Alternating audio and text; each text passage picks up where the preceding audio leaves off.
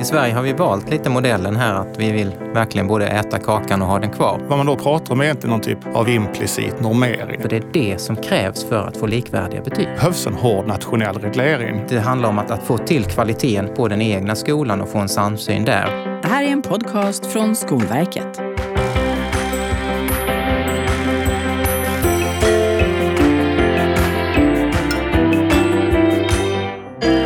Deltagarna i podden står självständigt för de åsikter och tankar som förs fram i avsnittet. Hej, jag heter Jenny Reichwald. Idag ska vi prata om likvärdiga betyg. Eller närmare bestämt, kan vi uppnå likvärdiga betyg? När man pratar om likvärdighet är det vanligt att man syftar på lite olika saker. Vad menar vi egentligen med likvärdiga betyg? Och vilka förväntningar har lärare, elever och samhället på betygen när det gäller just likvärdighet? Är likvärdiga betyg detsamma som rättvisa betyg? Det ska vi prata om i den här podden. Med oss i diskussionen har vi Jonas Vlachos och Anders Jönsson. Vill ni presentera er själva? Jag heter då Jonas Vlachos, jag är professor i nationalekonomi vid Stockholms universitet. Jag har forskat en del om skolmarknaden och betygssättning och en del andra saker som har med skolan att göra. Och mitt namn är Anders Jönsson. Jag är professor i didaktik vid Högskolan Kristianstad. Min forskning har framförallt handlat om lärares betygssättning. Så att jag har, kan man säga, ett inifrån perspektiv i klassrummet där vi tittar på hur går det till när lärare sätter betyg. Tack så mycket. Eh, vi börjar med att lyssna till ett par lärare som vi frågade vad de menar med likvärdiga betyg. Malin Johansson. Jag undervisar i bild. Likvärdiga betyg innebär att man alla jobbar mot samma mål. Att eleverna får möjlighet att upprepa att visa sina kunskaper. Vad kan man göra då som lärare för att uppnå likvärdiga betyg? Jag tycker det är viktigt att hela tiden ha en kontinuitet i, i bedömningen, att man formativt pratar med eleverna, låter dem förstå vad de behöver utveckla för att nå högre mål och ta i beaktande allting som, som jag vet om eleven, mm. allt som jag ser att de gör. Helena Danielsson Torell, vad betyder likvärdiga betyg för dig? Det betyder väl att folk eh, blir upphetsade. och att eh, det är, en, kanske, det är en utopi på ett sätt. Samtidigt så är min erfarenhet att när vi sätter oss ner och bedömer tillsammans lärare så har vi väldigt, väldigt sällan olika syn på vad kvalitet är för någonting. Om vi börjar med dig, Jonas Lachos. Hur skulle du beskriva likvärdighet kopplat till betyg? Ja, det är väl egentligen att eh, samma kunskapsnivå bedöms lika av olika lärare och på olika skolor. Sen är det naturligtvis lättare sagt än gjort eftersom kunskap är inte så himla lätt att definiera och peka ut exakt vad man menar med det. Eh, men, eh, men i grund och botten så handlar det om det att en elev som bedöms på, får ett betyg av en lärare, en annan lärare som möter samma elev, får se samma prov på kunskaper, kommer att göra samma bedömning. Vad tänker du Anders Jönsson? Ja, det stämmer ju att, att, att många lärare har en samsyn i vad det är för kvaliteter som ska bedömas. Det kan vi se i forskningen.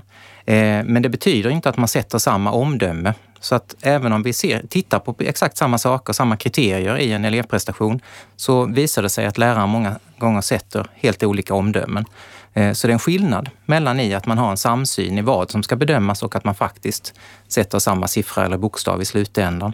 Det är också en skillnad i bedömning som detta handlar om och betygssättning där vi då ska sammanväga flera prestationer till ett, någon form av omdöme. Så att där finns ett par olika distinktioner som man får hålla isär när man tänker kring detta med likvärdig bedömning och betygssättning. Men Jonas Lachos, måste undervisningen bli likformig för att likvärdiga betyg ska uppnås? Undervisningen måste inte bli likformig. Däremot så underlättar det om man går igenom samma saker, det vill säga man undervisar om samma, om samma sak ungefär. Och utrymmet för att göra det eh, skiljer sig rätt mycket mellan olika ämnen, som till exempel mellan historia och matematik det centrala innehållet är tydligare definierat i matematik än historia till exempel. Så det, men eh, själva undervisningsformen i sig behöver inte bli likformig för att man ska kunna uppnå likvärdiga betyg. Då måste jag ju bolla över till dig, Anders Jönsson. Du, du är ju professor i didaktik eh, med inriktning på naturvetenskapen. Håller du med om det här med matematiken kontra de andra ämnena? Det är möjligt eh, att, att det finns en sån skillnad, men generellt sett så är det så att eh, även om du tittar på en problemlösningsuppgift i matematik så kan, kan man faktiskt bedöma den ur flera olika kriterier, vilket innebär att det finns utrymme för oenighet även där.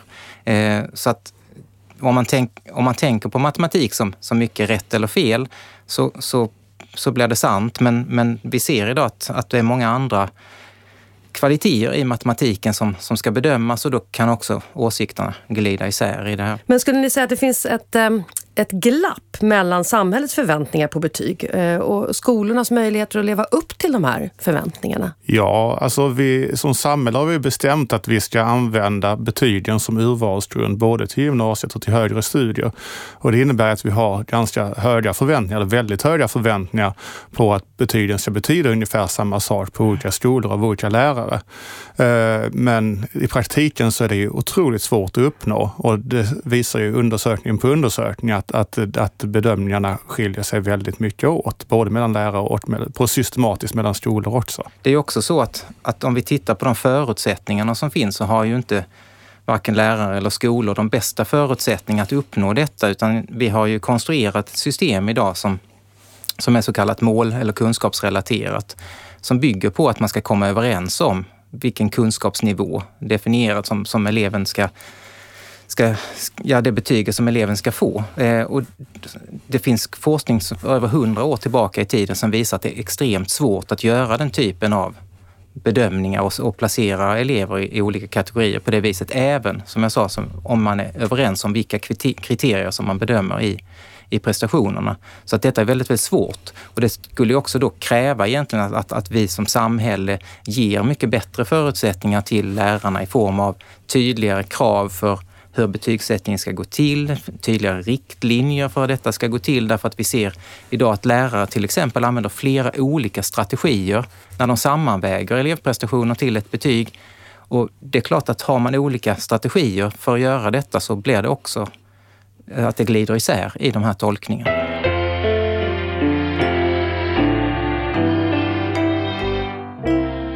I media talas det ju ganska ofta om det här med betygsinflation. Vad betyder det Jonas Vlachos? Egentligen så betyder det att eh, betygen eh, ökar samtidigt som kunskapsnivån totalt sett står still eller faller.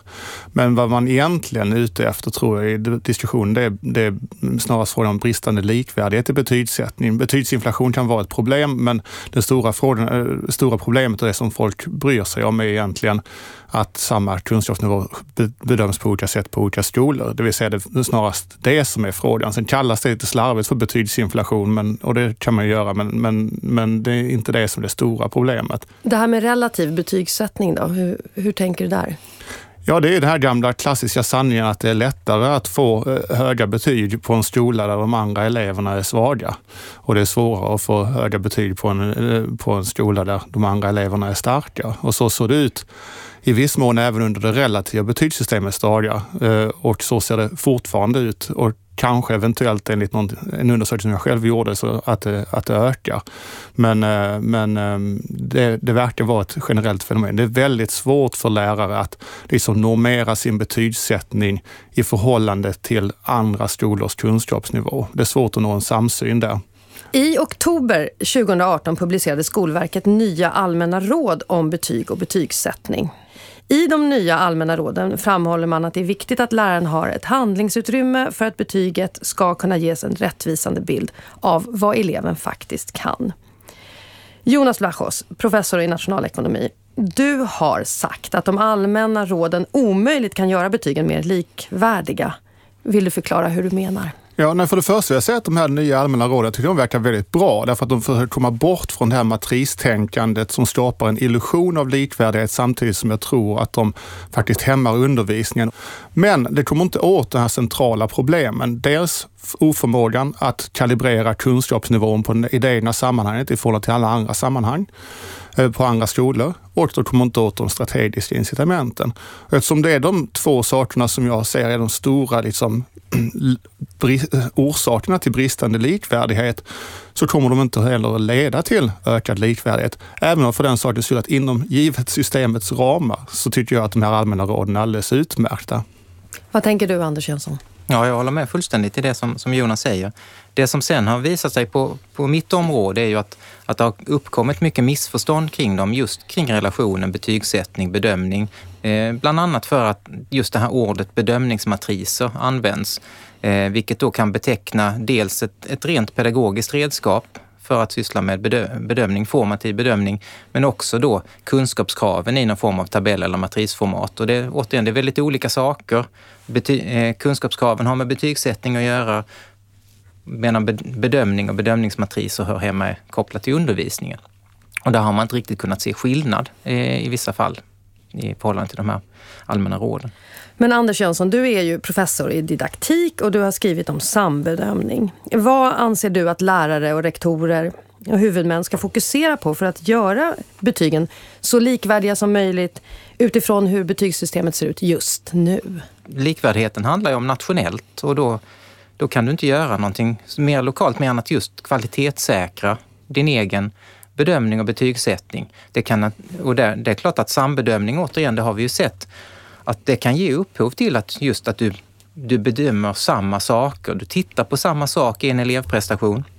Vilket gör att, då, att till exempel den formativa bedömningen kan vara väldigt enhetlig i det att, att du, du upptäcker samma styrkor, du upptäcker samma utvecklingsmöjligheter för eleverna så att den återkoppling som ges kan, kan, kan alltså vara likvärdig. Eh, så att där kan vi ha en likvärdighet lokalt men men återigen, hur ska vi veta att det stämmer med tolkningen på andra skolor runt om? Det kan vi inte.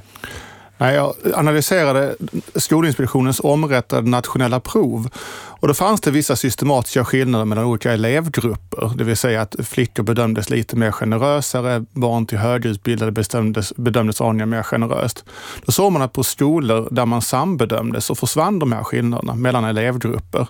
Men skillnaderna mellan skolor var exakt lika stor eh, på de skolor där man sambedömde i förhållande till de man inte sambedömde. Så det rörde liksom bot på en liten, i sammanhanget ganska liten, eh, litet problem med likvärdigheten, det vill säga det mellan elevgrupper. Men mellan skolor nådde man ingenstans, vilket i och för sig är rätt självklart därför att de här lärarna som sambedömer är på samma skola och möter samma typ av elever. Ja, det som möjligen kan tänkas ställa till i tolkningen här är ju att, att om man tänker sig att det finns någon form av liksom objektiv eller fristående tolkning av de här kunskapskraven som, som om, om alla bara strävar tillräckligt hårt så når vi dithän. Men det är ju verkligen en illusion om man tänker på, på det viset. Utan återigen, det handlar om att, att, att få till kvaliteten på den egna skolan och få en samsyn där. Det kan, det kan sambedömning hjälpa till med. Det finns ganska starka belägg för att man kan uppnå den här samsynen, att man kan bli bättre på att identifiera kvaliteter i elevers lösningar till exempel att man kan bli bättre på att, att ge konstruktiv återkoppling. Den typen av resultat finns det. Men att, att uppnå då en, en samstämmighet i att, att du sätter samma betygsomdöme, varken egentligen på den egna skolan eller eh, över landet. Skolverket vi har nu pratat om begränsningar i systemet inför och när lärare sätter betyg. Men skolors arbete med uppföljning efteråt kan ju också ha effekt för likvärdigheten. I det avslutande avsnittet i de allmänna råden handlar det om uppföljning. Jonas Vlachos, hur kan betyg och resultat på nationella prov användas för att lärare ska sätta mer likvärdiga betyg? Ja, så länge som proven bedöms på ett likartat sätt, vilket de då inte gör, men, men kanske kommer att göra i framtiden. Men eh, då, då kan naturligtvis den typen av avvikelser vara informativa för, för skolan att säga att oj, vad vi ligger högt i de här betygen eller oj, vad vi ligger lågt i förhållande till alla andra sätt av betyg. Så vad man då pratar om är egentligen någon typ av, av implicit normering, att man försöker normera mot de nationella proven utan att göra det på riktigt. Problemet som jag ser med det är att, är att eh, för varje enskild skola så är ju inte incitamenten jättestarka att göra det. Om inte, om, om inte alla andra skolor gör det. Och sen finns det ett ytterligare problem med det här och det är det här med de icke godkända eleverna. Väldigt mycket avvikelser har ju att göra med att man höjer elever som annars hade fått underkänt på, eh, i betyg om man hade följt nationella provresultaten. Om vi då inte skulle avvika för dem så skulle vi skapa ett väldigt stort socialt problem. Så det är inte alla delar av den här betygsinflationen som i sig är, är, är destruktiva, utan just det att man höjer elever upp till en godkänt nivå så att de kan gå vidare på gymnasiet eller få ut sin gymnasieexamen examen. Det är antagligen någonting som vi alla bör vara väldigt glada för att det sker.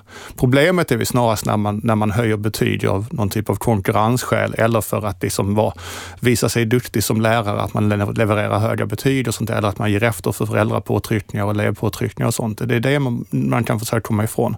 Men återigen, om, om det bara är liksom upp till varje enskild skola att göra det så, så är ju incitamenten rätt små.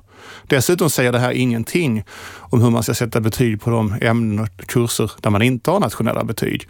Och det visar jag också i en rapport som jag skrivit att där är avvikelserna väldigt, väldigt stora.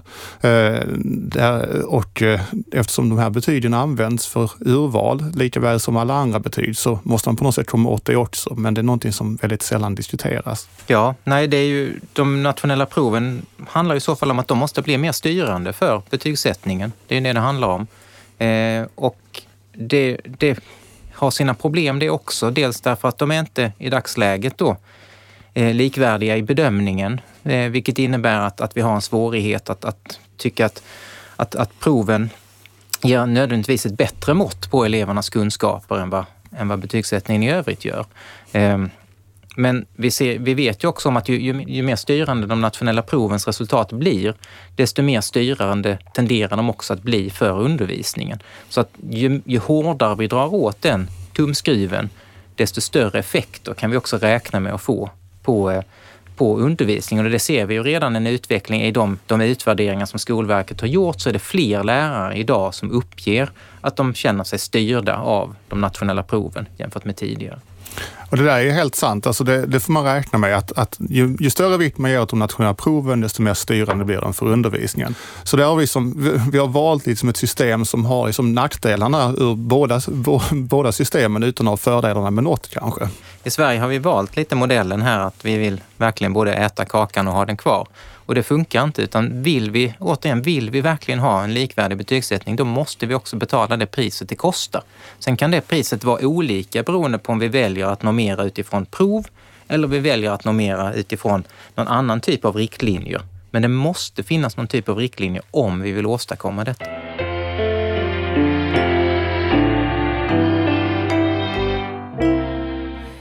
Det här samtalet kom ju mitt i en revideringsprocess som Skolverket initierat. Just nu pågår en betygsutredning som ska vara klar i höst och man håller också på att revidera kurs- och ämnesplanerna. Vad kan man hoppas på när det gäller den här processen? Vad säger du Anders Jönsson? När det gäller kunskapskraven, vi ser ju att de kraven som finns idag, de gör inte riktigt den här åtskillnaden som jag nämnt tidigare mellan bedömning, det som är fint och detaljerat i i förhållande till uppgifter i undervisningen och betygssättning, utan de är någon form av mellanting. De ska kunna fungera som båda, men det innebär också att då, då väljer vi inte heller bana här. Vi, vi hade hoppats på att det skulle bli mer likvärdigt för att vi skrev mer och var tydligare, men i själva verket kanske det blir precis tvärtom. Att, att vi får en sämre likvärdighet med den typen av kunskapskrav som vi har idag. Så vi skulle kanske hellre då satsa på riktiga betygskriterier genom som just talar om vad är det för underlag du ska samla in och hur ska detta underlaget sammanvägas? För det är det som krävs för att få likvärdiga betyg. Vad kan man hoppas på när det gäller den här processen, eh, Jonas Lachos? Vad tänker du? Jag tror ju inte att man kommer att komma särskilt långt med likvärdiga betyg om man inte väljer att explicit normera på ett eller annat sätt. Där det enklaste sättet är liksom att ta liksom snittet och spridningen från de nationella proven och binda skolan vid det. Och, eh, och, och det mycket mer eh, kostnadskrävande är liksom att ha ett system för sambedömning som är roterande och med portföljer från olika eh, elever på olika skolor där man möts i lärar, lärargrupper och diskuterar. Och, eh, men det är som sagt väldigt kostsamt och det måste göras på ett sätt som att det är pålitligt att det görs på ungefär samma sätt runt om i landet. Frågan är då, hur viktig är den kostnaden att ta? Och behövs det verkligen?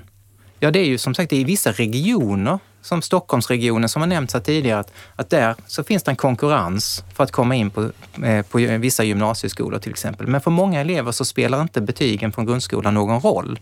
Och ska vi satsa alla dessa skattemedel, alla dessa lärartimmar på att åstadkomma det? Eller ska vi kanske bara hitta andra sätt att lösa detta på och kanske skjuta över resurserna till gymnasieskolan istället och styra det? Men fram till det att vi ser ett resultat då när det gäller utredningen så handlar det ju för lärare och rektorer om att förhålla sig till nuvarande system. Eh, har ni några helt kort hands-on tips vad man ska tänka på när det gäller just likvärdighet? Man kan naturligtvis öka kvaliteten på den egna bedömningen och betygssättningen genom att ha någon form av lokal granskning. Det ger ju förutsättningar för att om någon annan hjälper till med att normera nationellt så så har vi redan kvalitetssäkrat den bedömningen som sker lokalt. Och sen ska man också eh, ta hänsyn till det att det inte är självklart att rektorer och lärare har samma incitament här. Man hör återkommande historier med att eh, rektorer vill att lärarna ska sätta högre betyg till exempel. Med större, starkare inslag av sambedömning när man egentligen på något plan lyfter, flyttar liksom ansvaret för betygssättningen från säg läraren till huvudmannen, eh, så kan det här mycket väl vara ett påtryckningsmedel då för, för lärarna att sätta högre betyg. Så därför tror jag att det behövs en ganska hård, eller det behövs en hård nationell reglering av hur det här ska gå till. Och lokalt sett så kan det, det kan slå på olika håll. På vissa skolor kanske det leder att man hamnar väldigt mycket bättre. På andra skolor kan det gå åt andra hållet i förhållande till hur det ser ut idag. Om man lyssnar på det här nu och känner att det här är intressant och jag vill fördjupa mig. Har ni några tips på var man kan läsa om man vill eh, fördjupa sig mer i ämnet? Ja, ja man kan till exempel om man stå, slår in eh, lärande bedömning blogg på Google så kan man hitta till min blogg där det finns en hel del inlägg om just det här med likvärdig bedömning och betygssättning. Själv håller jag på mest att diskutera den här frågan utifrån en, en, en eh, mer systemnivå och där har jag skrivit diverse rapporter som man säkert kan hitta om man googlar mitt namn och eh, betyg. Tack så hemskt mycket för att ni kom hit, eh, Jonas Lachos och Anders Jönsson och delade med er av era erfarenheter och tankar kring likvärdiga betyg. Du som lyssnar, glöm inte bort att tweeta dina funderingar och frågor till oss och till våra gäster, at Skolverket. Och passa på att diskutera om du tillhör en lärargrupp på Facebook. Berätta för oss, hur sätter du likvärdiga betyg? Vad tänker du kring sambedömning? Tagga gärna våra gäster, snabla Jonas Vlachos, snabla Anders understreck HKR så att de kan vara med i samtalet. För det vill ni väl Jonas och Anders? Absolut. Och glöm inte bort att tala om i dina tweets, vad vill du att vi ska prata om framöver i Skolverkets podd? Ha det bra, hej då!